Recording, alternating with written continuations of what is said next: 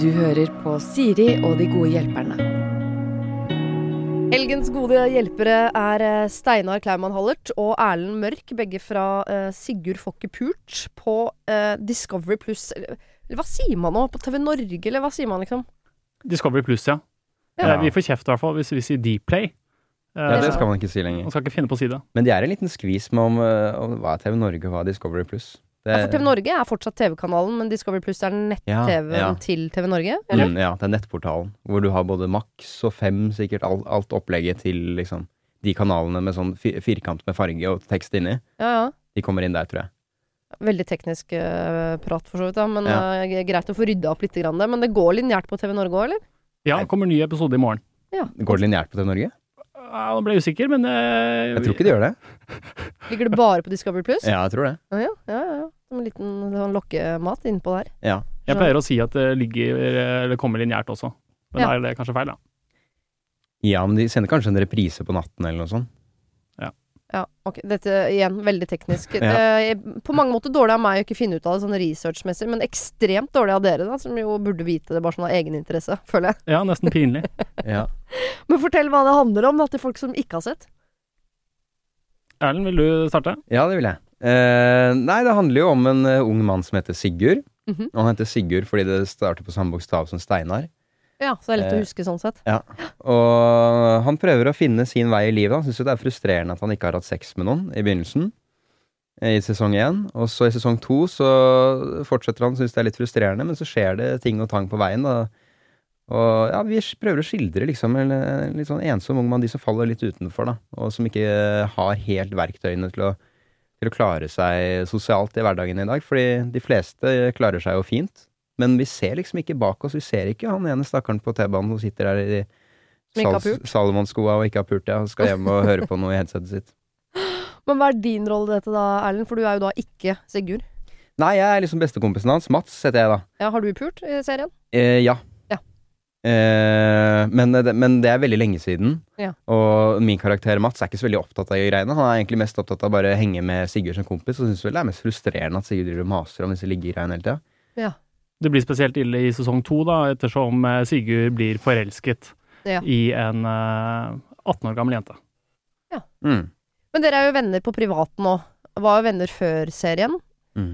Eh, Er, eh, kjenner dere igjen sånn rollefordelingsmessig som, som kompiser i serien? Absolutt. Eller er ting snudd helt på hodet? Ja, nei, det er ja, Kanskje med tanke på Jeg tror ikke liggingen er ikke så relevant der, men når, når det kommer til sånn hvordan karakterene er, så er Steinar er en veldig god skuespiller, så han kan spille eh, veldig mye rart. Men jeg er litt mer begrenset som skuespiller, men der er vi så heldige at vi skriver manus også, så da kan vi bare skrive ting vi vet at jeg kan si. Ja.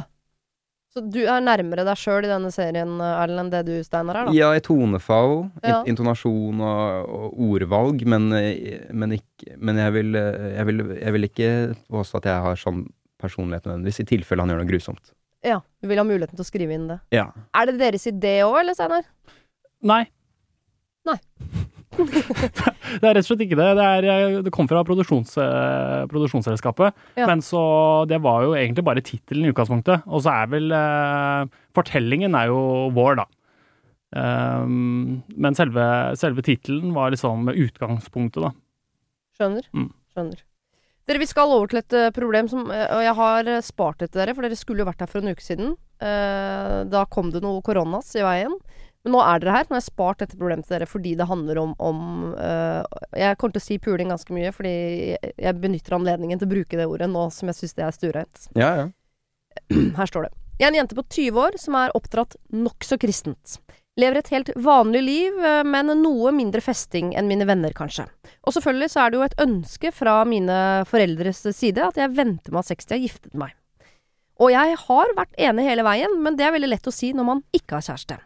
Nå har jeg det, og jeg er sykt forelsket. Altså, hele kroppen min rister. Han er fra samme miljø som meg, og deler de samme verdiene som meg, så det føles trygt. Og han har mer forståelse eh, enn jeg tror mange andre gutter ville ha hatt. Og han maser ikke, presser ikke. Men begge har jo lyst. Kan godt uh, si at vi kommer til å gifte oss, men jeg skjønner jo at det er naivt. I de neste tre til åtte årene skal jeg studere først og fremst, og alt kan jo skje. Jeg gifter meg ikke for å ha sex. Helt ærlig så tviler jeg på at jeg kommer til å klare å vente, så hvorfor ikke gjøre det nå, med en jeg er helt trygg på? Men samtidig så vet jeg at jeg kommer til å angre også. Hva skal jeg gjøre? Og jeg har valgt å kalle henne Maria, hun vil selv være anonym.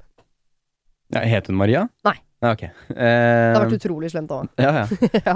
Nei, hun har jo løst problemet selv. Det er jo bare å kjøre på. Hvorfor skal hun angre? Helt enig.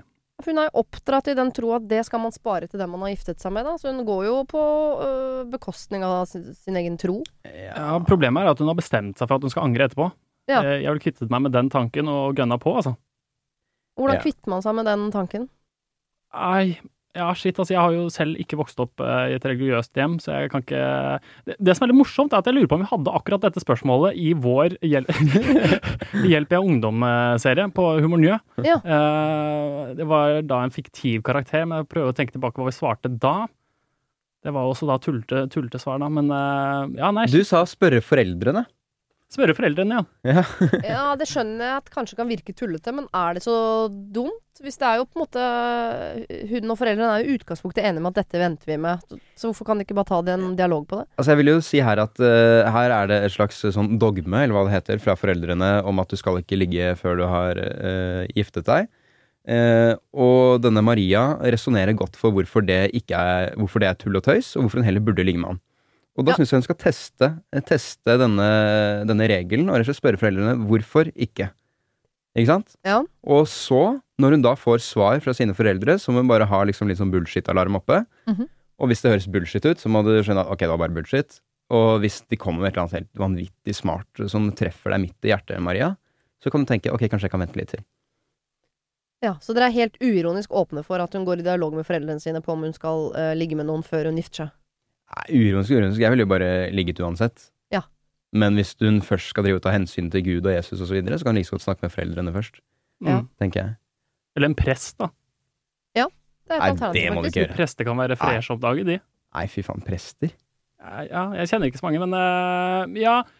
Nei, altså jeg ville uh, prata med foreldrene, ja. Eh, veid argumentene opp mot hverandre. Pratet med Finne en fra en annen leir også, altså et annet hold. En Mhm. annen eh, En sånn rabbi. En som mener at de burde ligge sammen, og så veie de opp mot hverandre. Kjøre en debatt. Spennende å finne det mennesket som heier på at de to skal ligge sammen. Da. Men eh, ja. Nei, Jeg oppfordrer til å tenke selv her. Jeg. Hvorfor er dette kommet i veien i utgangspunktet? Det er kristengreiene. Det er vel noen greier om at du ikke skal få barn med en uegnet person og sånn, men, nå, men her Vi har jo teknologi nå til ikke å få barn ved ligg. Mhm. Så bare ligg og ikke få barn. Ja. Det fins jo prevensjon og så videre, så Det er litt farlig å, å ta opp dette her med Vi er jo tre mennesker som åpenbart ikke går i kirken hver eneste søndag eh, i dette studio. Og da er det jo for oss helt sånn Herregud, ligg og kos deg. Hva er problemet egentlig? Det er klart at du har oppdratt fra du var bitte liten hver dag. Jeg tviler på at foreldrene har sagt dette til henne hver dag siden hun ble født, men om at det er feil, så skjønner jeg at det, det også sitter ganske sånn hardt forankra i kroppen. At det skal jeg jo da absolutt ikke gjøre. Jeg kommer til å angre. Det er synd. Mamma og pappa vil ikke, jeg vil jo egentlig ikke, Gud vil ikke, Jesus vil ikke, jeg vet ikke hvem flere i Bibelen som ikke vil, det er sikkert en hel gjeng. Så jeg, jeg skjønner at hun syns det er vanskelig, og de argumentene hun bruker for å Ja, men jeg vil, er de samme argumentene som jeg bruker hver gang jeg egentlig har bestemt meg for å spise sunt, men så får jeg masse gode argumenter for hvorfor jeg må spise sjokolade, fordi akkurat nå har jeg så utrolig lyst på sjokolade, så derfor så burde jeg spise sjokolade. Ja, men hvorfor er det du vet at du egentlig ikke bør spise den sjokoladen, da? Det er jo ikke bra for kroppen. Og etterpå da, så angrer jeg skulle ønske jeg ikke spiste den sjokoladen. Så jeg tenker det er jo litt dumt at hun bare nå skal selvfølgelig da reagere på en, en impuls om at jeg har veldig lyst til å ligge med han fyren her. Men det er ikke en impuls heller. Det er jo Er det ikke en kjæreste, da? Jo. Og de har vært sammen lenge. Begge har lyst. Han pusher ikke. Han er Ja. snill. Jeg tenker at eh, det er en fin anledning til å ha en trygg og fin opplevelse første gang. Ja. Og at det er bedre enn mange alternativene som kan dukke opp i løpet av et liv.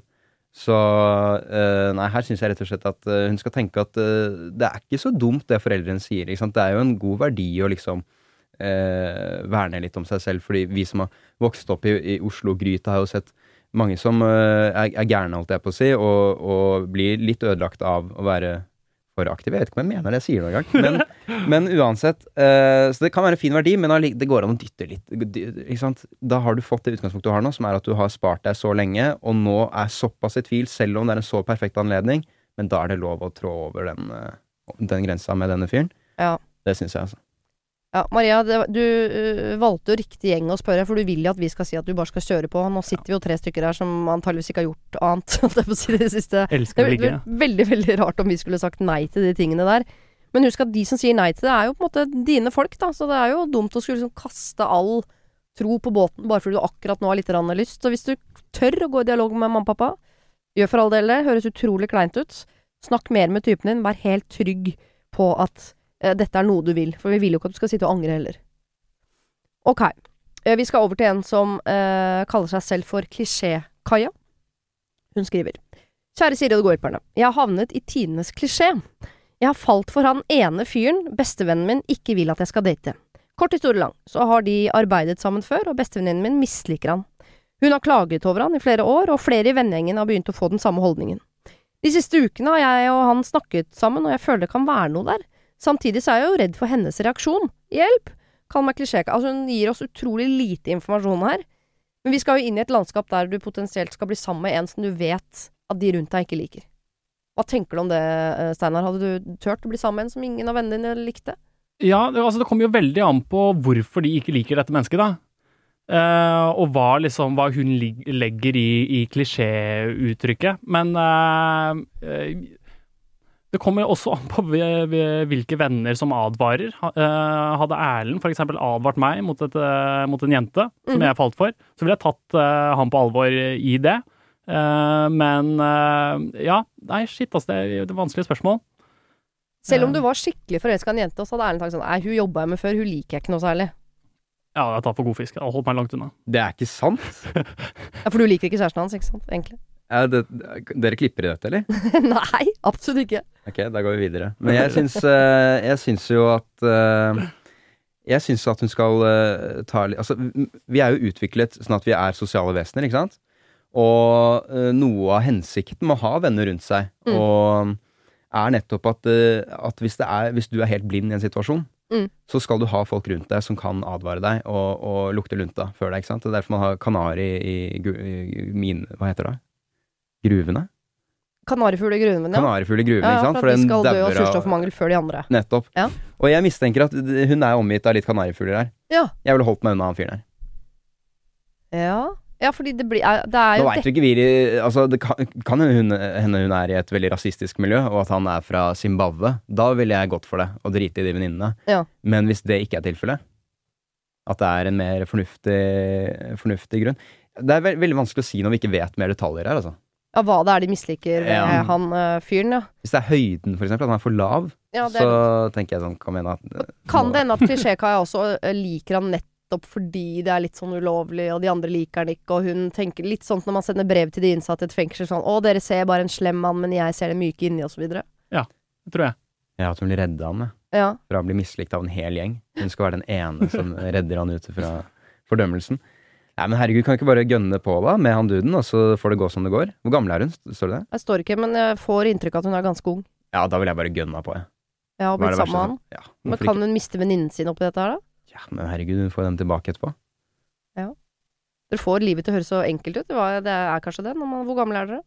Jeg er 26. 27. Ja, det er ikke så enkelt. Nei, men det er ikke noe vits å gjøre det her til problemer i livet. Det, livets problemer er stort sett fysisk sykdom. Alt annet kan du deale med.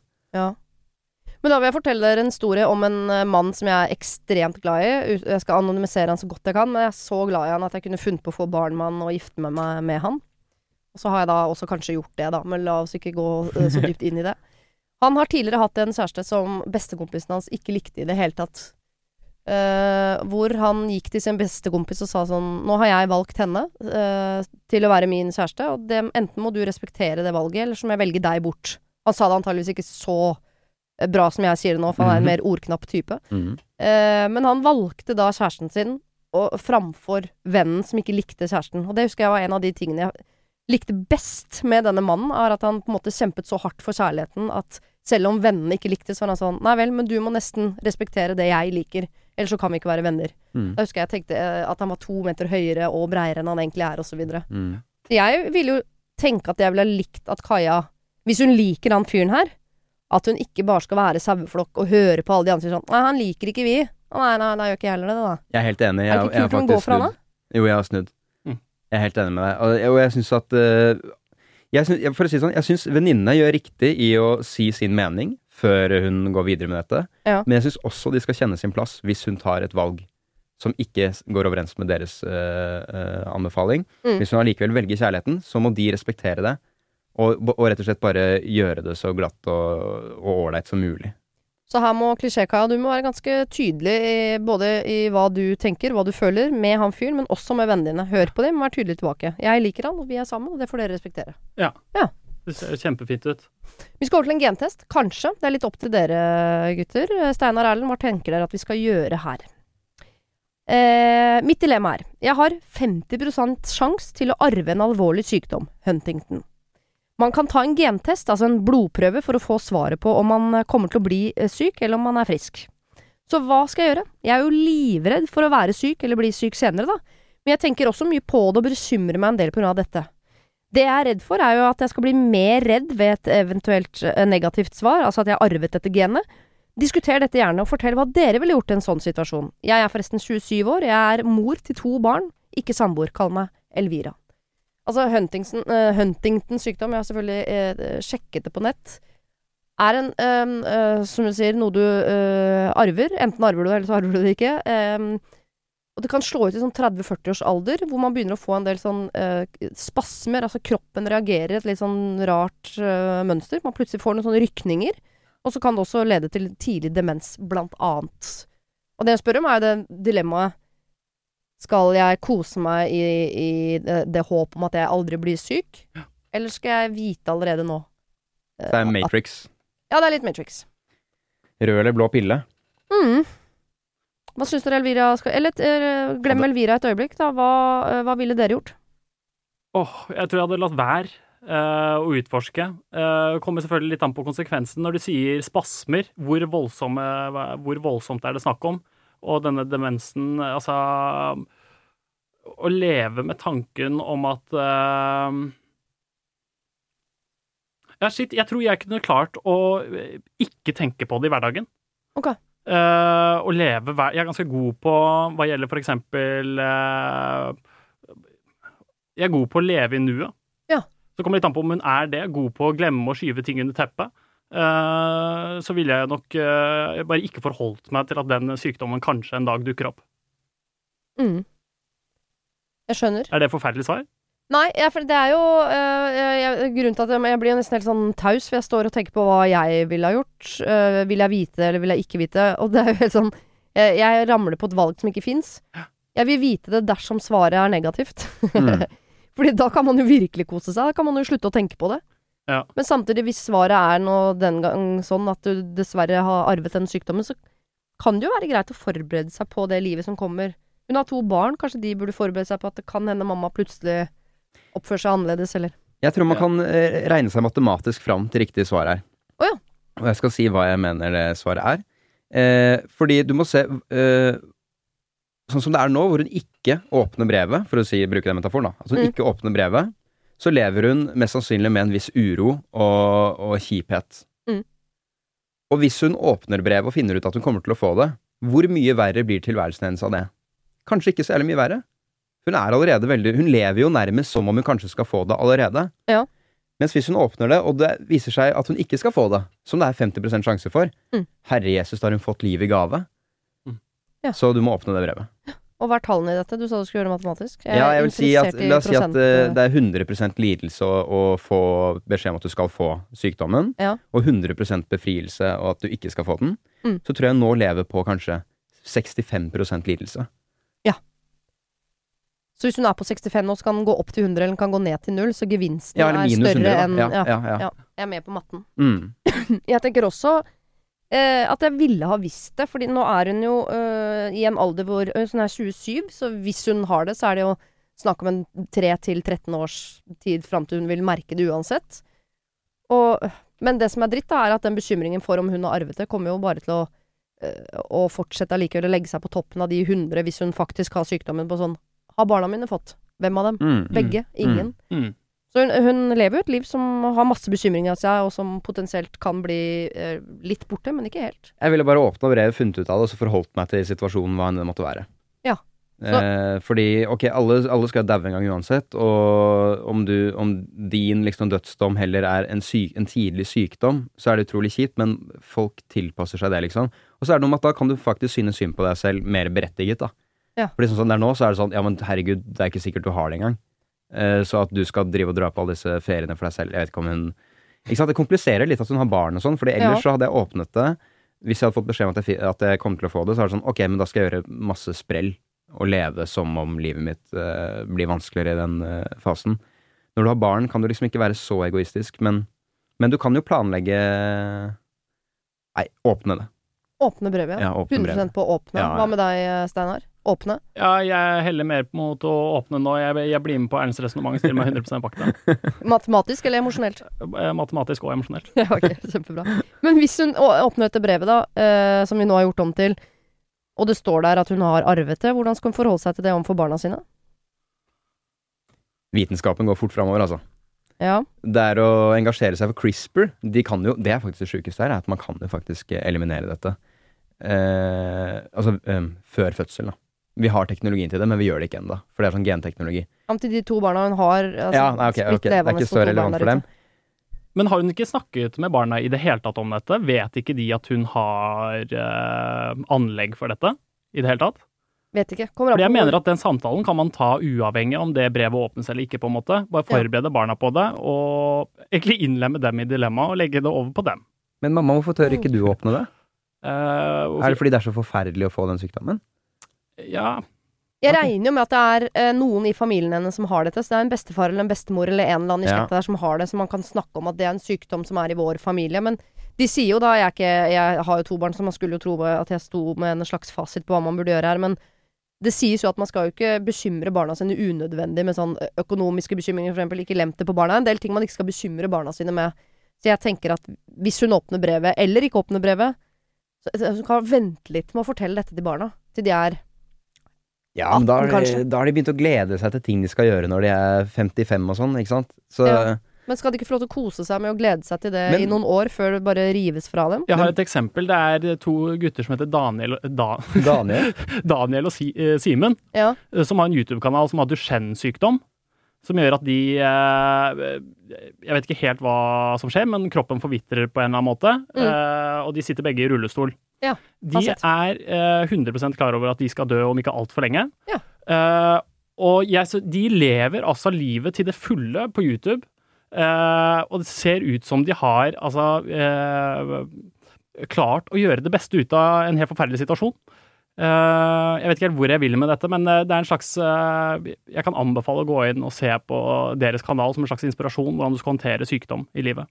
Ja. For de, skrev, de, de sprer positivitet og glede rundt seg med en helt forferdelig skjebne. Men de er veldig preget av den sykdommen i det livet de allerede lever. Så det her er jo mer en sånn Altså, du kan leve et helt normalt liv fram til et visst punkt, og da kan det hende at det blir vanskeligere. Mm. Men, er- men blir ikke barn, er ikke barn sånn at de blir ikke mer bekymret enn det foreldrene viser at de selv er? Så jeg ser for meg nå, og jeg tenker bare live her, holdt jeg på å si, eh, si til foreldrene du, vi er litt uheldige i vår familie, at vi kan begynne å riste litt i 40-åra. Eh, fram til det, kos dere. Ja. Og nå er det middag. Ja, ja. Alle familier skal oppleve en eller annen sykdom, så på en måte så kan man jo si at man er litt heldig som har muligheten til å finne ut av det. Det dumme her er jo at det er ikke noe du kan gjøre preventivt for at det skal egentlig bli bedre. Enten har du den, og da får du den, eller ikke. Ja, ja. Så, men vi er 100 på, eh, Elvira, at du skal eh, ta den testen for din egen del. Og så om du da eh, skal ta testen eh, på barna dine, eller fortelle barna dine om hva dette medfører osv., det er vi litt mer usikre på, men eh, ta i hvert fall den testen først. Og så får vi ta en oppfølging på problemet videre, hvis det faktisk er et problem der. Vi skal over til sykelig sjalusi. Er det noen av dere som er eh, rammet av det? Nei. Jeg har ikke Nei. følt sjalusi på kanskje seks år, men da følte jeg det ganske intenst. Ja. Hva skjedde for seks år siden? Privat. Hæ? Privat. Privat, ja. ja ok, greit. Men da hadde du eh, antageligvis en kjæreste, da. Nei, det var det jeg ikke hadde. Var det du ikke hadde? Ja. Nei, ok. Hva med Nå er deg, sammen, eh, Steinar? Nei, jeg Sjalu? tror ikke jeg er utprega sjalu. Eh, jeg, er, jeg, er, eh, jeg har nylig oppdaget et konkurranseinstinkt. Å ja. det har jeg. Eh, men sjalusi uh, føler jeg ikke på. Så hvis det kommer en beiler på banen som er ute etter dama di, så er du mest ute etter å, å gruse han mer enn det å være sjalu. Ja, eh, nei, shit, men jeg har tenkt mye på det der, eksempel. Hvordan jeg håndterer eh, Ikke utroskap nødvendigvis, men eh, at noen ypper til bråk, tester grensene mine hva gjelder sånn i forhold til å, å, å forsvare dama mi, da. Ja. Eh, Jeg kan ikke se for meg noe verre situasjon å havne i, fordi jeg er eh, eh, Jeg har faktisk opplevd dette. Ja. Er det nå det er på tide å fortelle den historien? Ja. Ja, du må gjerne fortelle den historien. Det er veldig rart å si jeg kan ikke se det for meg. Så kan du jo det. Du har den, eh, antageligvis den filmen på mobilen, aktig. Ja. Eh, nei, jeg går jeg er på folkehøyskolen. Så går vi Vi er på vei til, ut på byen. Uh, for det var ikke kristen folkehøyskole. Vi fikk lov til det. Ja. Uh, og så på vei ned så går jeg hånd i hånd med min daværende kjæreste. Hun blir slått på rumpen av uh, fire forbipasserende menn. Av alle fire? Ikke, nei, ikke alle fire. En av dem slo okay. uh, For det hadde nesten vært litt gøy, faktisk. Ja, ja. Koordinert trakassering. Koordinert trakassering. Ja. Uh, ja, og så eh, og så forteller ikke hun meg det før vi har gått kanskje 50-100 meter fra, eh, fra åstedet, fra dem. da. Mm. Og de har altså fortsatt i sin retning. Det var bare sånn forbifarten. Veldig rar situasjon. Men i hvert fall så, så stanser hun, og så sier hun, eh, forklarer hun hva som har skjedd. Og jeg eh, fryser til. Også rent instinktivt så sier jeg, og det er jo, kan du si eh, Ja, jeg er litt stolt av det i det øyeblikket. I hvert fall så, så sier jeg jeg må gå og prate med dem. Ja. Men i det jeg sier det, så angrer jeg umiddelbart. Uh, og alt jeg håper på, er at hun skal stanse meg, og det gjør hun heldigvis. Altså Hun sier eh, det, finner, altså, det må du ikke finne på å gjøre. Vær så snill. Og det, da, det tar jeg ganske lett. Da, så da sier jeg Da lar jeg okay, det ligge. OK for deg, jenta mi, så skal jeg ikke gjøre det. Ja. Ja. Men hadde hun ikke gjort det, så, så tror jeg det hadde vært en helt eh, krisesituasjon. Jeg aner ikke, for den, den følelsen jeg hadde i kroppen på det tidspunktet, Mm. har jeg aldri kjent siden. Uh, å gå inn i en situasjon med så mye følelser som jeg selv ikke har kontroll over, Mhm. så tror jeg Jeg har tenkt på det som om jeg hadde gått til angrep på dem, eksempel. Ja. Det vet jeg ikke. Det kan at jeg hadde gjort alt for å unngå, unngå å dø selv, da. Ja. Skjønner du? Ja. Uh, men det er ikke kjent på siden, faktisk. Og jeg er livredd for å havne i en sånn type situasjon. Jeg tenker på det ofte når jeg går rundt i bybildet med, da, med kjæresten min. Men jeg har hørt denne historien før, og dette var første gang jeg innså en ting. Mm. At kjæresten din visste at du aldri kommer til å fly på dem. Men hun lot deg Ja. få anledning til å late som og spille med. Hun ventet 50-100 meter før hun sa fra, Ja. og så stoppet hun deg umiddelbart. ja. Eller så syns hun du er så uh, ekstremt uh, sterk og tøff at hun tenkte jeg må gi de 50-100 meters forsprang, fordi uh, når Steinar får vite dette her, så kommer han til å grisebanke alle fire. Og det det siste, også siste Steinar trenger nå, er en dom til. Ok, her kommer problemet, da. Jeg har et problem jeg syns er flaut å be om hjelp for. Jeg håper likevel dere har noen gode tips eller hjelp. Og stram meg gjerne opp, altså. Jeg tåler strenge tilbakemeldinger, står det her. Jeg har vært sammen med kjæresten min i snart fire år. Vi er begge 21. Vi har det veldig bra, unntatt akkurat dette med min sjalusi. Jeg syns det er fryktelig vanskelig når han går på tur med en vennegjeng der det også er jenter, og jeg ikke er med. Til og med at han studerer med jenter og er i kollokvie med jenter, plager meg fryktelig mye. Jeg sitter hjemme med masse vonde følelser og blir sint og vond i møte med kjæresten min. Han får masse sinte meldinger fra meg der jeg kjefter og smeller, er lei meg og prøver å få han til å forstå og synes synd på meg selv. Jeg vet ikke hva som gjør at jeg føler det sånn, men jeg har et behov for å være med, få med meg ting, og at jeg er den som kjenner kjæresten min best. Det gjør ekstremt vondt når andre jenter kommer og forteller meg hva han har gjort av morsomheter når jeg ikke har vært til stede. Jeg kan også legge til at han har en fortid der han hooket mye med jenter i ungdomstiden. Han har mange jenter som liker han, og han har hatt mange flørter. Jeg derimot har ikke hatt like mye erfaring på det området. Jeg skulle ønske at vi begge hadde spart oss til hverandre, men vet at dette ikke kan gjøres noe med. Likevel sårt for min del. Jeg vet at han ikke er utro eller gjør noe dumt bak ryggen min, så sjalusien har ingen reell grobunn. Trenger bare å håndtere situasjonen jeg vet kommer, og kunne leve et vanlig liv som alle andre. At han er på tur med sin egen familie der hans svigerinne er med, bør absolutt ikke gjøre at jeg sitter hjemme og er lei meg. Jeg trenger desperat hjelp til å komme meg ut av dette. Håper dere har tid. Veldig takknemlig. Hilsen Lotte. Vi har tid. Lotte, ta det helt med ro. Altså, hun er sykelig sjalu, og, hun er- og hun er klar over det! Mm. Og allikevel klarer hun ikke å gjøre noe med det. Nei, den er lei. Jeg tenker at uh, her, dette minner meg om en fisketeknikk som heter harving. Oh, ja. uh, og det går ut på at du tar masse mark på en, uh, på en krok. Det er mørkt om høsten, og du kaster ut. Og du venter på at fisken tar, Mhm. og idet fisken tar, så må du åpne spolen og la fisken dra utover med marken. For hvis du rykker til med en gang, da har den ikke fått spist nok av marken, og da mister du den. Okay. Men hvis du stoler på den og lar den gå og gå og gå og spise mer og mer og mer, og så Mm. rykker du til, da kan du eh, dra den inn igjen. Og det jeg får litt følelsen av her, er at hvis hun er for redd for å la han være alene, og maser og sender meldinger, så vil det bli så klaustrofobisk for han at hun kommer til å miste han. For det her høres ikke helt eh, bra ut, og jeg skjønner, at, jeg skjønner følelsen hennes, men hun må klare å undertrykke den, og hun må lære seg å slappe av. Jeg er med på metaforen helt til det faktisk er noen på kroken og hun skal rykke til. Fordi når kommer dette inn i dette forholdet? Når er det hun skal rykke til? Gifte og- seg. Å, ja, ok. Giftermål. Kjempebra. Eh, er du enig i det her, eh, Steinar? At hun må gi han masse uh, rom og tid, og prøve å stole på han, sånn at han ikke på en måte forsvinner ved første laks som streifer forbi? Ja, nei, jeg syns det høres helt forferdelig ut for denne gutten i dette forholdet. Hun virker, jeg syns det høres sykelig ut. Ja. Jeg syns det høres uh, fæl, Jeg syns det var ubehagelig å høre på. Ja. Eh, og jeg, jeg vet ikke hva annet jeg skal si at hun må skjerpe seg. Nei. Og jeg pleier ikke å være streng, men nå, jeg, eh, det føler jeg. Det føler, jeg, får, jeg føler eh, ordentlig sympati med mannen i forholdet her. Til hennes forsvar så, er, så har hun jo alle disse forbeholdene selv. Hun, hun vet hvor urettferdig det er, og så videre. Hun sier til og med at hun stoler på han. Eh, så jeg tenker mer at man må Men det hjelper ikke det for han. Han får kjeft hver dag.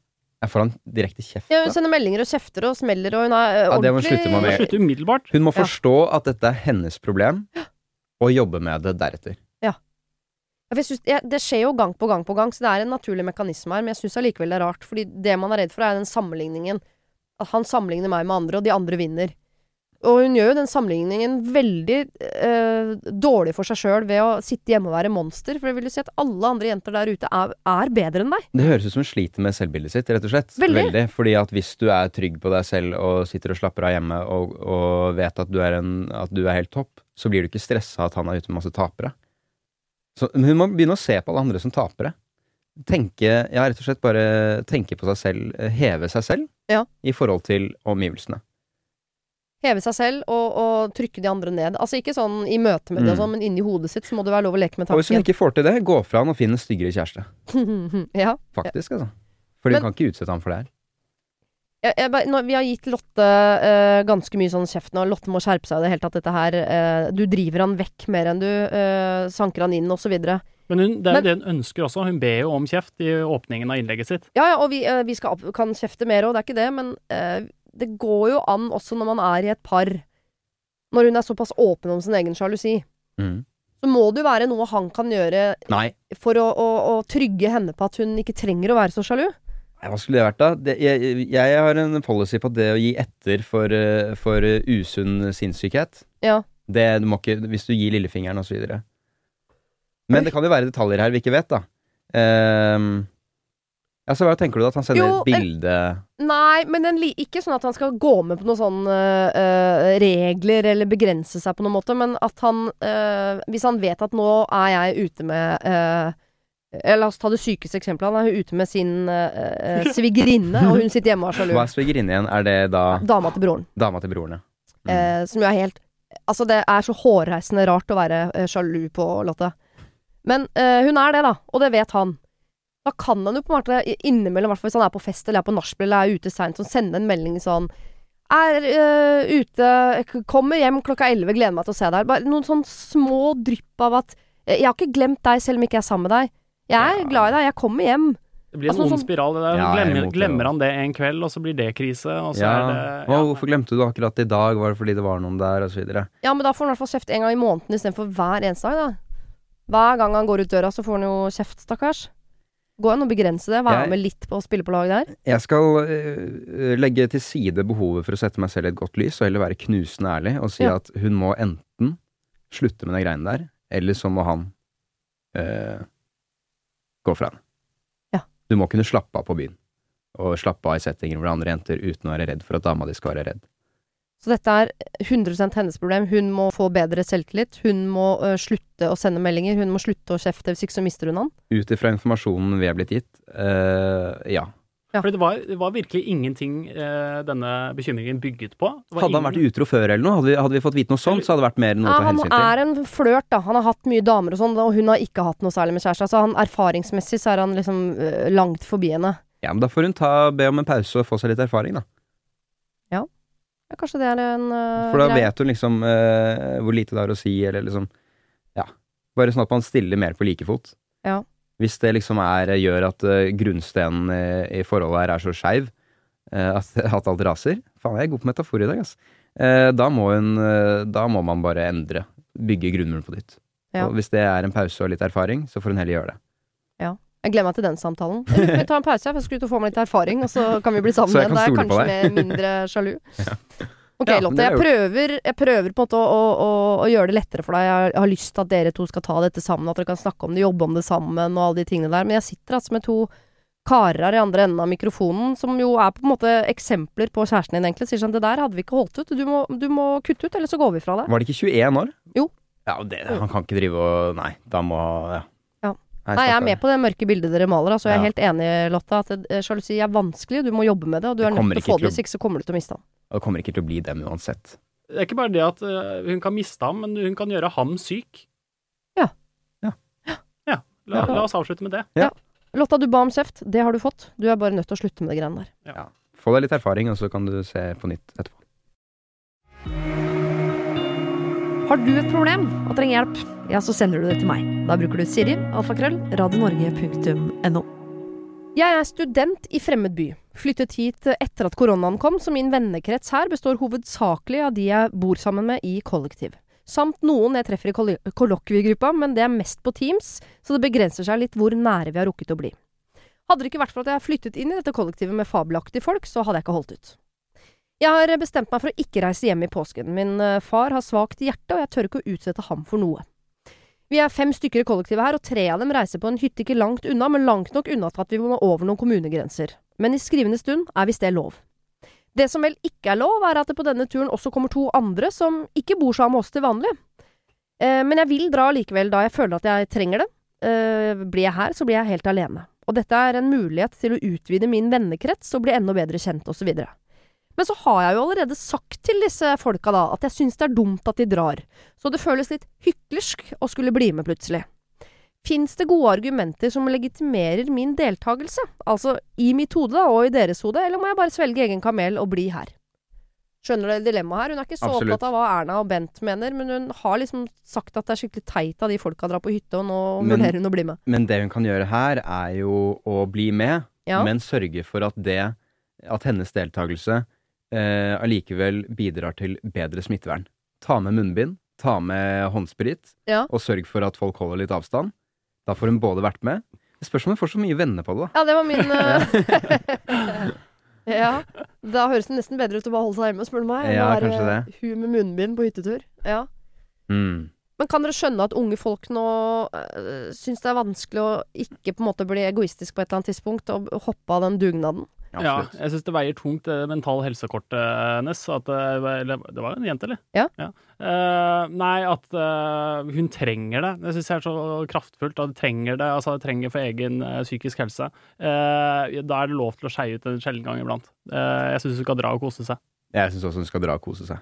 Men er, det, er dette argumentene hun da også skal bruke overfor de hun reiser sammen med? Ja, Nei, men hun må, hun må tåle å Altså, hun må ikke være så stolt at 'Å nei, jeg sa det for en stund siden, så nå må jeg stå ved det'. Hun er jo ikke politiker.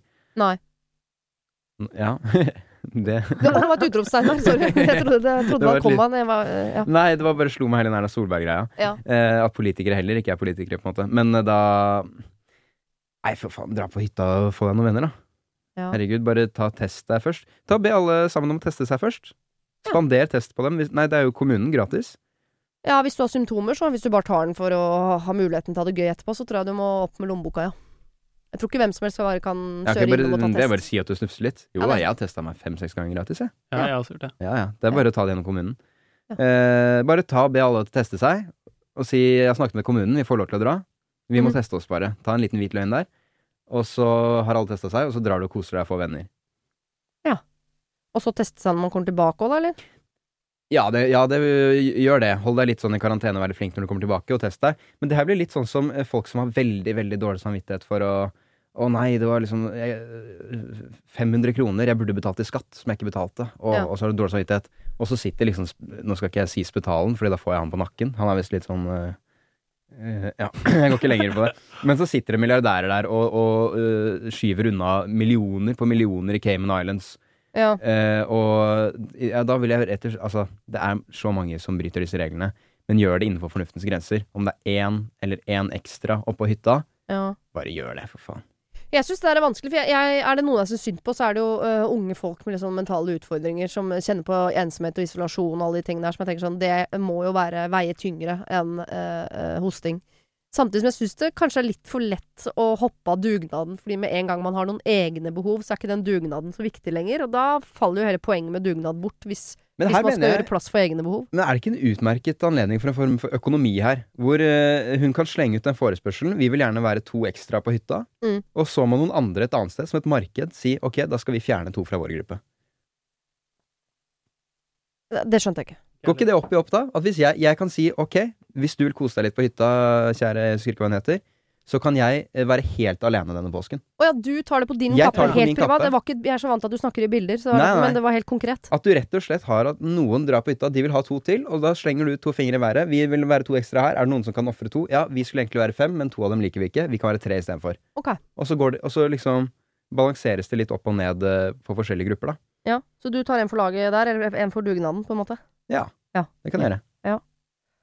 Nei, jeg skal være forsiktig med å stå her og si hva folk skal gjøre og ikke gjøre. Ja, det er det jo nok folk som gjør. Jeg syns det er fint hvis man tenker at man skal bli med på den dugnaden, men det er klart eh, Den stoltheten trenger du ikke være så opptatt av. Så hvis du først har bestemt deg for at du har lyst til å dra, og du tenker at det er greit, så, så skal du ikke la være å gjøre det fordi du ikke tør å si det til vennene dine. Men sånn Hvis jeg skal leke politiker et lite øyeblikk, så tenker jeg at det beste er om alle følger reglene. Ja. Følg reglene, blunk, blunk. Jeg følte meg ikke som meg selv når jeg sa det. Jeg, men, jeg hadde lyst til å gå inn i karakter, og så fader jeg på radio, det går ikke. Derfor måtte jeg si det. Nei, jeg tror man tjener mye på å være helt ærlig. Eh, Følg reglene så godt du kan, men eh, ikke la det gå utover eh, psyken din. Nei, ikke gjør det. Psyken er viktigere. Hvorfor dropper flere gutter enn jenter ut av skolen? Hvorfor begås 70% av alle selvmord av gutter og menn? Og hvorfor blir færre gutter og menn diagnostisert med psykiske lidelser? Ikke fordi de ikke har problemer, men fordi de ikke ber om hjelp. Vi må snakke om gutta. Eh, I samarbeid med Mental Helse Ungdom så prøver vi å få dere gutter til å, å eh, stå fram med problemene deres. Dere er veldig flinke til å stille opp med å løse andres problemer, men ikke så flinke til å by på egne. Så eh, hver uke så får vi Oskar fra Mental Helse Ungdom til å gi oss noen problemer de har fått inn, som kommer fra nettopp gutta. Da har vi fått inn et spørsmål fra Peder, og Peder han skriver følgende. Hei, jeg er en gutt slash mann på 24 år som ikke spiser frukt. Ingen typer frukt. Jeg tror jeg hadde en traumatisk opplevelse i barndommen fordi jeg får helt hetta av alle typer frukt. Dette blir jeg ofte mobbet for, og det har på en måte blitt min greie. En slags fun fact som alltid forbauser andre. Kan jeg fortsette med dette, eller må jeg vokse opp og begynne å spise frukt? Det er altså spørsmålet fra Peder. Ok, Nå begynner jeg nesten å angre litt på at jeg ba dere gutta komme med problemer, for der var jeg ikke klar over at dere gikk og, og bar på, men ok. Uh, han spiser ikke frukt. Skal han begynne med det? Grei ut. Hva tenker du her, Steinar? Nei, det, jeg syns det var fascinerende. Jeg syns det er et fantastisk menneske. Ja. Eh, det er noe sånn eh, Men det virket som om det var noe Det bundet liksom ikke noe annet enn eh, at Han virket litt sånn autistisk, nesten. At det var noe han bestemte seg for at bare frukt generelt var er ille, da. Nei, altså Jeg, jeg syns det er en litt gøy karaktertrekk. Jeg syns han kan dyrke det. Altså, er det Jeg kan ikke forstå at det blir et sånt kjempeproblem. Altså, sånn, Trenger kroppen frukt? Sånn helt- trenger kroppen frukt, og, vi, og er det Jeg kan sliter med å se for meg en arbeidsplass hvor folk ler av deg fordi du ikke spiser frukt. Du trenger bare ikke si det til noen. Ja. Det er ingen som legger merke til det er, hvis, Jeg har aldri sett deg spise appelsin. nei, ikke sant? hvis jeg skal sortere folk jeg kjenner ut ifra hvem som spiser frukt og hvem som ikke gjør det, så er jeg ganske blank. Men det er vel en nøkkel der, for jeg tenker sånn, det er mange som har valgt sånn Jeg spiser ikke kjøtt, eller jeg spiser ikke fisk, og det, det er på en måte Ja, ja. Man velger jo helt, selv om det er liksom grupper innenfor uh, matveien man ikke vil røre. Men eh, det er, må du gjøre så stort nummer ut av det? Det, det er jo Nei, det er, det, det er veivalg her. da Du kan enten bare ikke gjøre noe nummer ut av det. Ingen vil noen gang merke det. At Nei. du ikke spiser frukt. Alternativ to gjør et enormt nummer ut av det. Og si at eh, vet du hva, frukt stort sett har veldig eh, shady veier for å komme fram til Norge. Mhm. De blir eh, plantet og, og kappet ned fra trærne av noen underbetalte slaver i Sør-Amerika et sted. Og du aner ikke hvor mange som dauer for at den bananen skal komme fram hit, liksom. ja, at man tar på en måte vegetarianer-T-skjorta på seg og går inn i debatten. Ja. Ja. Og så og bare shame alle fruktspisere, og kjøre, kjøre en greie på det, da. Ja. Og så ta seg en bit av en biff etterpå, og si eh, liksom dette Alltid ha med masse biff, Ja. sånn som folk har med å sitte og spise. Artig type han Peder, 24. Ja, ja. Ha med seg en biff på skitur. Eh, ja, det er, det er to valg, da. Det eneste jeg reagerer på her, eh, som jeg syns er litt problematisk, er på en måte det med at han har gjort en greie ut av det. Og det er litt sånn typisk eh, rar sammenligning for øvrig, men eh, jeg har flyskrekk, og jeg tror grunnen til at jeg har flyskrekk, er fordi jeg eh, sa at jeg hadde det en gang, før jeg hadde det, og så gjorde jeg en greie ut av det. Mm. Og så har det blitt på en måte en av mine merkelapper, at jeg sier ja, og hun har flyskrekk. Jeg tror Ja. ikke folk går rundt og sier det, altså, men det, det kunne man gjort. Eh, men nå har jeg det faktisk. Men det er jo noe jeg har eh, planta inni hodet mitt at jeg har. Og så har jeg hatt det litt sånn gøy med Jeg hadde litt sånn standup om at jeg hadde flyskrekk. Og ikke snakka mye om flyskrekken, og nå har den tatt bolig i kroppen min, og nå er den der. Ja, ja. Det er det jeg tenker, Hvis Peder har brukt for mye tid på å bli han fyren som ikke spiser frukt, Mm. og så skriker egentlig leveren eller nyra eller hva det måtte være, skriker etter appelsiner og druer, liksom, kan det hende. Ja, Og så bare gjør han det ikke, for han er, han, det har blitt en del av hans identitet. Det er liksom Å ja, Peder, ja, det er han fyren som ikke spiser frukt. ja, ja. Det Det kan man vel gå bort fra. Det minner om en, en, eh, fyr som gikk på skolen til Morten Ramm, på barneskolen, eh, som alle kalte Japan. Og det var fordi faren hans hadde vært i Japan. Nei, nå husk, nei jeg ellers var det fordi han ikke hadde vært i Japan. Ja, det var sånn historien var. Han hadde ikke vært i Japan. Og derfor kalte alle han Japan. Så jeg tror han fruktkisen her, han kan heller endre identitet til en som spiser veldig mye frukt. Ja. Og så er han fortsatt han fruktfyren. Men, eh, men han er han som gjorde en helomvending. Akkurat som rasisten som eh, ble SOS rasisme-person. ikke sant? En sånn helomvending. Så du er Ja, egentlig samme fyren, du har bare eh, hesteskoen hoppet over på andre siden. Så rett og slett blir den store fruktmannen. Ja, det det kan, han liker ikke frukt i det hele tatt, er det det? ja, han har hatt en eller annen traumatisk opplevelse med frukt i barndommen som jeg blir ekstremt nysgjerrig på, og samtidig som jeg blir redd for. Jeg håper ikke frukt er en metafor for noe som ingen av Nei, oss har skjønt. Hvis det er noe seksuelt der, da, så ville jeg sagt ok, behold det traumet, men begrens det til den ene frukten det gjelder, og spis de andre. Ja.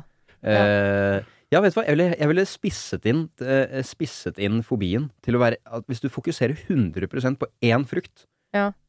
da kan du bevare identiteten din som han som ikke spiser frukt, men du kan spise de andre litt. Bare gjør en, en gradvis overgang til å, det er han som ikke spiser fersken. For Ja. Altså, ikke være i rom med frukt. Altså hvor frukt tas opp som tema. Mhm. Jeg ser for meg at han er uh, utsatt med et sånt stort fruktfat på jobben eller noe sånt. Ja. At, der, at problemet ligger der. For jeg, jeg, det er vanskelig å sette meg inn i at liksom det, det her kommer opp så ofte. Det virker som det er mer oppi huet hans. Altså. Jeg tror det største dilemmaet til Peder her er egentlig at han har skapt seg en identitet som han begynner å lure på om egentlig er falsk. At han Ja. har blitt han fyren Ja. som ikke spiser frukt, og så merker han jeg Ja. har litt lyst på frukt, men mister jeg alt ved meg som er interessant Ja, hvis sånn. jeg begynner å Mm. spise frukt? Mm. Og det tror jeg, jeg håper jo det er noe annet ved Peder folk liksom kan sette pris på, enn at han er han fyren som ikke spiser frukt. Men der tror jeg du er inne på det. Han må rett og slett finne en ny, eh, like interessant eller mer interessant eh, identitet. Eh, få deg et ekorn, da. Ja. Mm. Jo, men jeg bare altså Et Peder, eller han, annet. hvem er Peder? Jo, det er han fyren med ekornet som spiser en del frukt en gang iblant. Det er kanskje det dårligste, men samtidig noe av det mest konkrete jeg har sagt i hele mitt liv. Peder, skaff deg et ekorn. Ja. Ok, dere. Vi går videre til et annet problem. Jeg har et problem som får meg til å føle meg som den gjerrige, store, stygge ulven, og som skaper mye konflikt i forholdet mitt til min mann.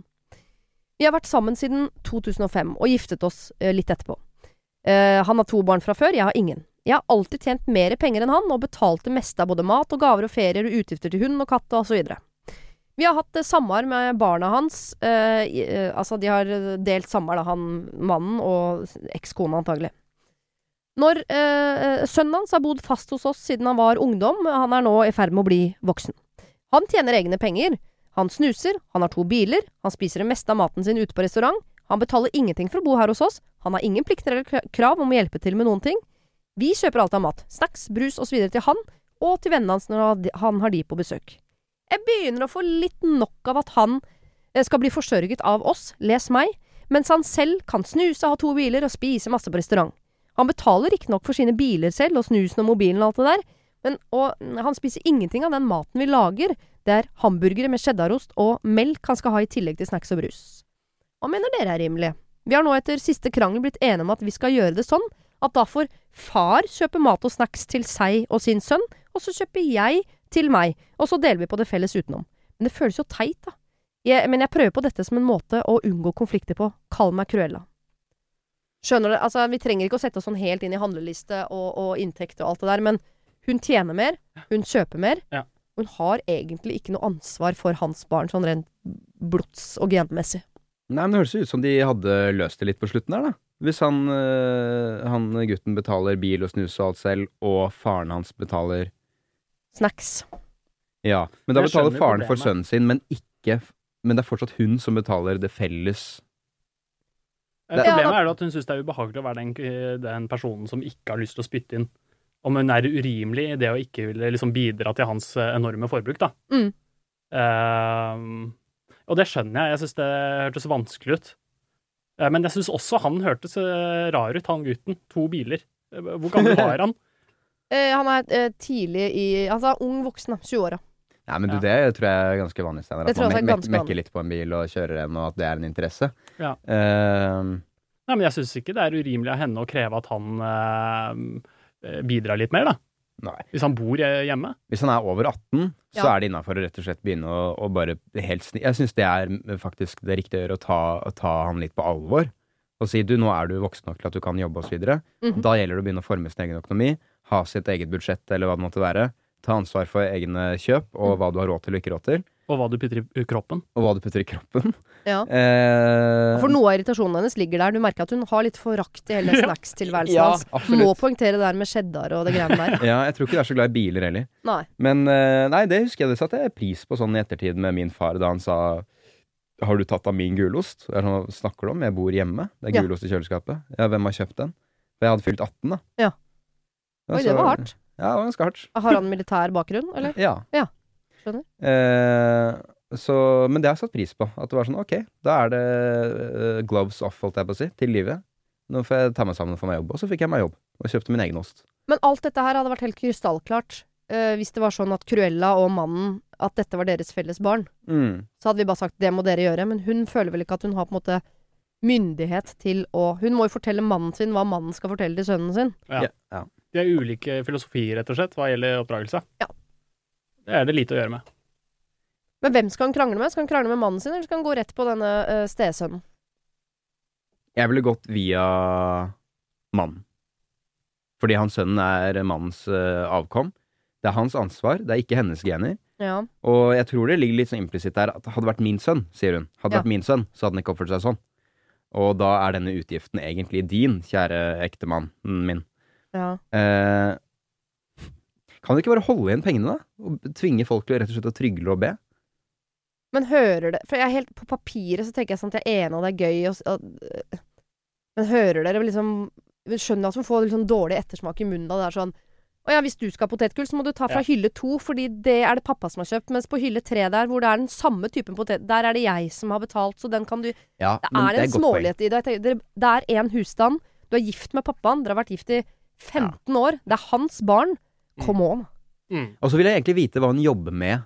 Fordi hun sier hun tjener så godt. Jobber hun med, med bank eller forsikring eller sånn, så er det sånn, vet du hva, da skylder du. Da skal du de, de, Det potetgullet, det skal han sønnen ha, Ja. syns jeg.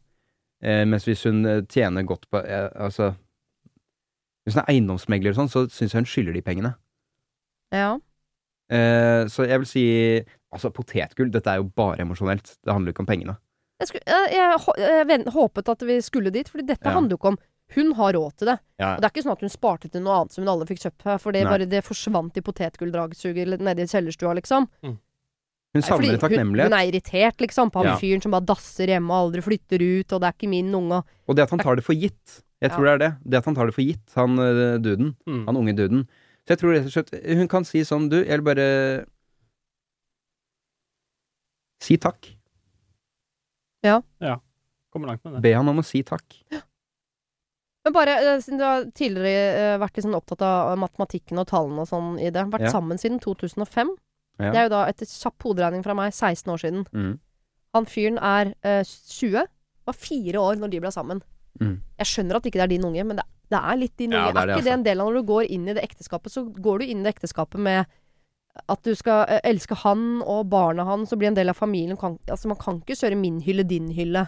Nei. Nei, jeg er helt enig. Og så Ikke drar jeg litt liksom. sånn antifeminisme her, holdt jeg på å si, som er sånn ok, nå har vi havnet i en situasjon der hvor dama faktisk tjener mest. Vet du hva? Det å kjøpe litt potetgull til folk i huset, det, er det, det følger med det å tjene mest. Ja. Ta, altså, nå må du velge her. Så skal du være den som tjener mest, og er, eh, er forsørgeren, da skal du faktisk forsørge. Ja. Og det skal du bli glad for, og det Mm. skal eh, fylle deg med glede å kunne forsørge. mennesker rundt deg. Og så er det noe med også, eh, selv om du satte pris på å bli eh, nærmest pælma på huet og ræva ut hjemmefra når du var 18, uh, Erlend. Det var på et tidspunkt hvor jeg trengte å høre det, da. Det er jo, Ja. det er jo veldig stor forskjell. ja. Hva med deg? Jeg må spørre deg også, Steinar. Når ble du kasta ut hjemmefra? Ja, nei, jeg har også vokst opp med en eh, eh, En far som har vært Jeg syns gulosteksempelet er voldsomt. Eh, jeg kjenner meg ikke igjen i det, men eh, jeg kan forstå irritasjonen rundt eh, å ikke bidra hjemme. Ja. For det legger jeg i det at han spiser mye snacks og ser for meg at han bor i en slags sånn kjellerleilighet under der. Ja. Og har litt sitt eget liv og folk på besøk og sånn. Ja. Og jeg kan forstå, uten at jeg er forelder selv, så kan jeg forstå den frustrasjonen. Ja. så jeg vil ikke legge alt på henne. Jeg har lyst til å hjelpe henne, på en måte, men jeg har, ikke, jeg har det ikke i snakketøyet. Jeg forstår at hun blir superirritert, og det kan man bli på egne barn også, hvis de eh, slenger rundt og er ubrukelige i perioder, liksom. Så det, den irritasjonen er helt reell. Mm. Jeg, bare, jeg tror ikke du løser det med å bli smålig på toppen. At det blir sånn, for det handler ikke om det potetgullet, liksom. Det handler jo om det handler om noe helt annet enn det, og det er jo litt synd at hun skal krangle så mye med mannen sin om dette. Ja, Samtidig som jeg skjønner at hun skal passe seg for å krangle for mye med denne sønnen også, for allerede kaller hun seg for Cruella, og det kan du banne på at i hvert fall stesønnen din gjør. Mm.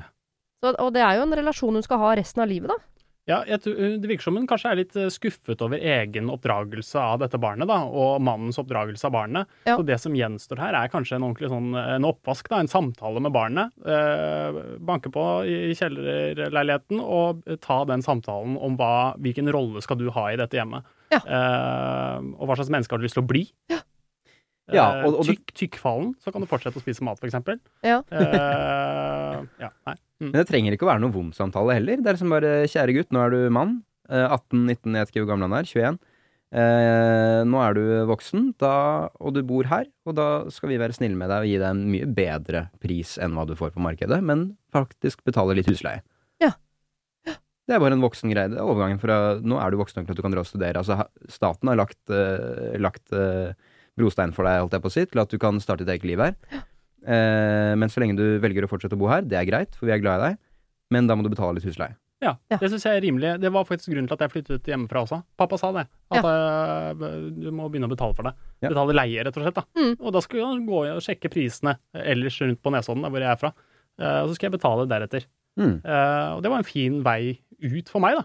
Ja, for det føles jo helt rart å gi masse penger for å bo der du alltid har bodd, så da flytter man jo ut. Ja. Ja, ja. De pengene bare virker mer rimelig å bruke et annet sted da. Men da er det på en måte et eget valg, og du tar det fordi du er voksen og har gjort en vurdering. Og det, jeg syns det er en fin måte å, å gi han sønnen en anledning til å bli voksen på.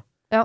Men Kurella, dette her må du ha med deg mannen din på, fordi du kan ikke ha den samtalen alene, og jeg skjønner at øh, det antageligvis dere har krangla en del om dette og sånn, men du og mannen din må bli enige om at denne samtalen må vi ta med sønnen. For begge dere har jo et ansvar for at han liksom skikker seg og blir et ordentlig, ordentlig menneske. Nå vet vi jo ganske lite annet enn at han er lærling og har to biler og alle de tingene der, men å få han til å forstå på en måte at han må betale hjemme eller flytte ut og hele den praten der, den, og der mener jeg at du skal melde deg på og ikke av, og ikke gjøre om dette til en diskusjon som handler om potetgull og dipp. Helt enig. Ok, siste problem, dere. Dette var et enormt langt problem som vi har kortet ned etter beste evne. Hei, flotte dere, står det, så ta det til dere. Jeg har et problem jeg håper dere kan hjelpe meg med. Jeg har en kjæreste som jeg bor sammen med, som jeg har det veldig fint sammen med. Den siste tiden har jeg hatt noen lengre perioder der jeg har besøkt foreldrene mine, som bor noen timer unna. Blant annet nå fra jul og til midten av mars. Problemet mitt eh, dukker opp da jeg skal dra fra foreldrene mine. Jeg får helt ekstremt vondt inni meg. Jeg blir veldig trist og har alltid eh, blitt helt på gråten. Sist jeg dro fra dem, klarte jeg ikke å holde tårene unna, eh, og jeg begynte å grine som en småunge. Jeg tenkte på alt vi hadde gjort sammen, og jeg savnet dem allerede mens tårene renner. Det at folk kikket på meg når jeg gråt, ja, det fikk ikke meg til å stoppe. Ha-ha-ha. Jeg gleder meg alltid til å se kjæresten min igjen, og det ordner seg alltid når jeg kommer hjem, men disse avskjedene er helt forferdelig vonde.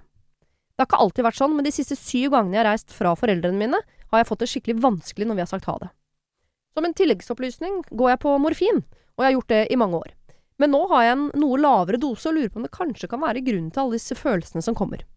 Samtidig føles det ikke helt logisk at lavere morfindose skal utløse disse reaksjonene heller.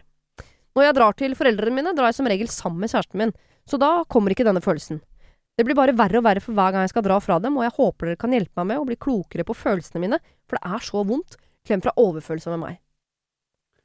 Ok, jeg lurer på om jeg datta litt her, men Ja. hun eh, blir lei seg fordi hun er det en slags eh, hvorfor, hvorfor blir hun lei seg? Ja, eh, du har ikke nødvendigvis dette, jeg skjønner, du har antageligvis fått med deg all informasjonen, men det, dette tror jeg er på en måte litt vanskelig å sette seg inn i når man ikke har disse følelsene selv. Men det er altså noe med at hver gang hun er hjemme hos foreldrene sine og bor der eh, alt fra en uke til månedsvis av gangen, så eh, går hun inn i en sånn slags dyp sorg eller depresjon for at hun må reise fra dem igjen. Ikke fordi hun gruer seg til det hun reiser til, men hun blir altså så knust av å måtte forlate foreldrene sine.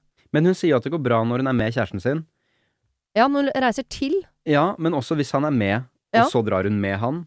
Så det høres jo ut som hun egentlig bare er livredd for å være alene, da. Ja, det kan godt hende. At, det er den alenefølelsen. At det alenefølelsen. er alenefølelsen imellom her, imellom etappene. Ja. Og det, er- det, nå kjenner ikke vi detaljene rundt hvorfor hun går på morfin, men det høres ut som hun, om det er uh, sånn separasjonsangst, og at, det er, s- at uh, du har sagt ha det til noen eh, tidligere uten å tenke seg over det, og så har du aldri kunnet møte dem igjen. Eh, at at det, det ligger noe, noe litt mørkt uh, her et sted. Ja. Um, Dette er et spørsmål jeg aldri har stilt før. Jeg føler meg litt lille Bendriss her jeg står, men i dette livet, eller kanskje forrige? ja. Ja. Eh, ja. Ja. Ja. jeg ser at dere ikke tenker det, men Nei, eh, så, så Nei, altså, hva skal man si? For for hun, hun syns vel det er et problem at hun begynner å gråte sånn, da. ja, ja, hun har jo lyst til å ha kontroll på de følelsene. Ja. Og jeg angrer på at ikke jeg satt meg mer inn i dette med uh, morfin, men jeg ble så slått Ja. i bakken av at det er noe man kan gå på. Ja, i hvilke, Ute på når gjør man det?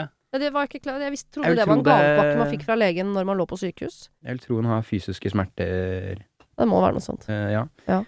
Fordi du får Subutex hvis det er for å gå av heroin uh, over tid. Men uh, jeg, jeg, jeg vil uh, sette på det litt som et sånn hundeproblem. Okay. Fordi du, med hunder og, og, så, er, så øver du jo på å si ha det, og, og de, for de piper og blir livredde og tror det er ha det for alltid. Mhm. Og det du skal lære, det du gjør da, er at du, du, du går ut, og så kommer du inn igjen og lærer den at slapp av, vi kommer tilbake. Ja. Så en, en form for glidende overgang, hvor du Mm. for eksempel har tele, foreldrene på telefon Mm. når du drar, uh, og så rekke å få dette sjokket og frykten, eh, la det senke seg mens du fortsatt har dem på øret. Og så Mm. når du går lei av å ha dem på øret, du sitter på bussen eller et eller annet, og er dypt inne i algoritmene, eh, da kan man legge på.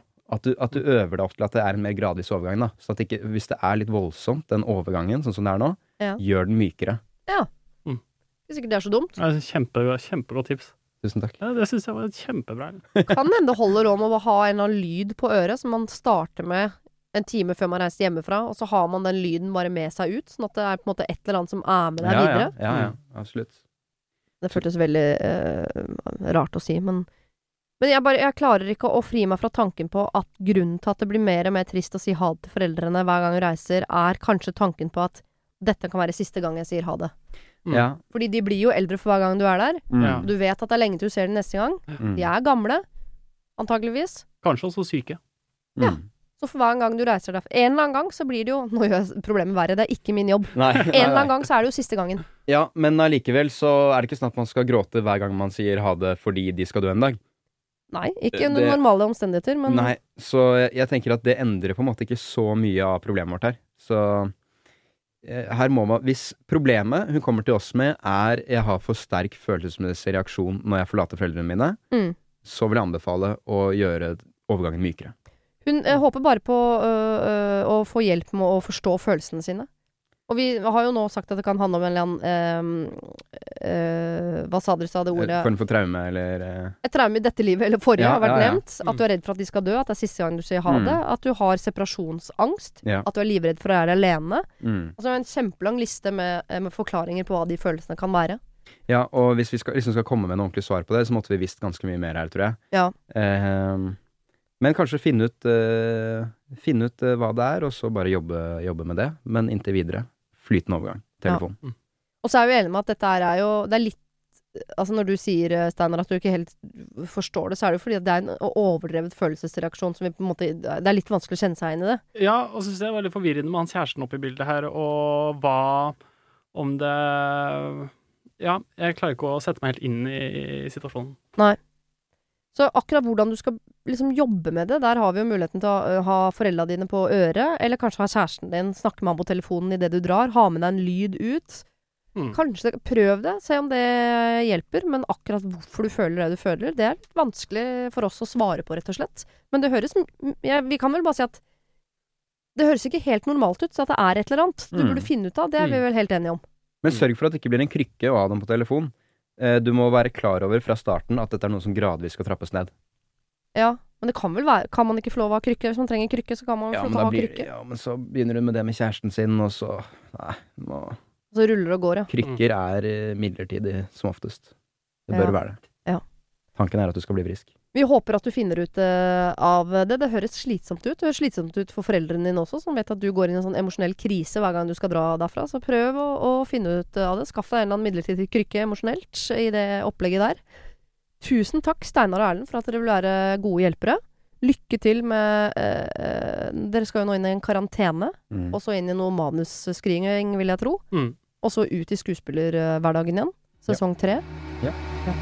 Lykke til. Tusen Takk. takk. Takk for at du fikk komme. Det var det. Husk å sende ditt problem til siri at radionorge.no om du vil ha hjelp.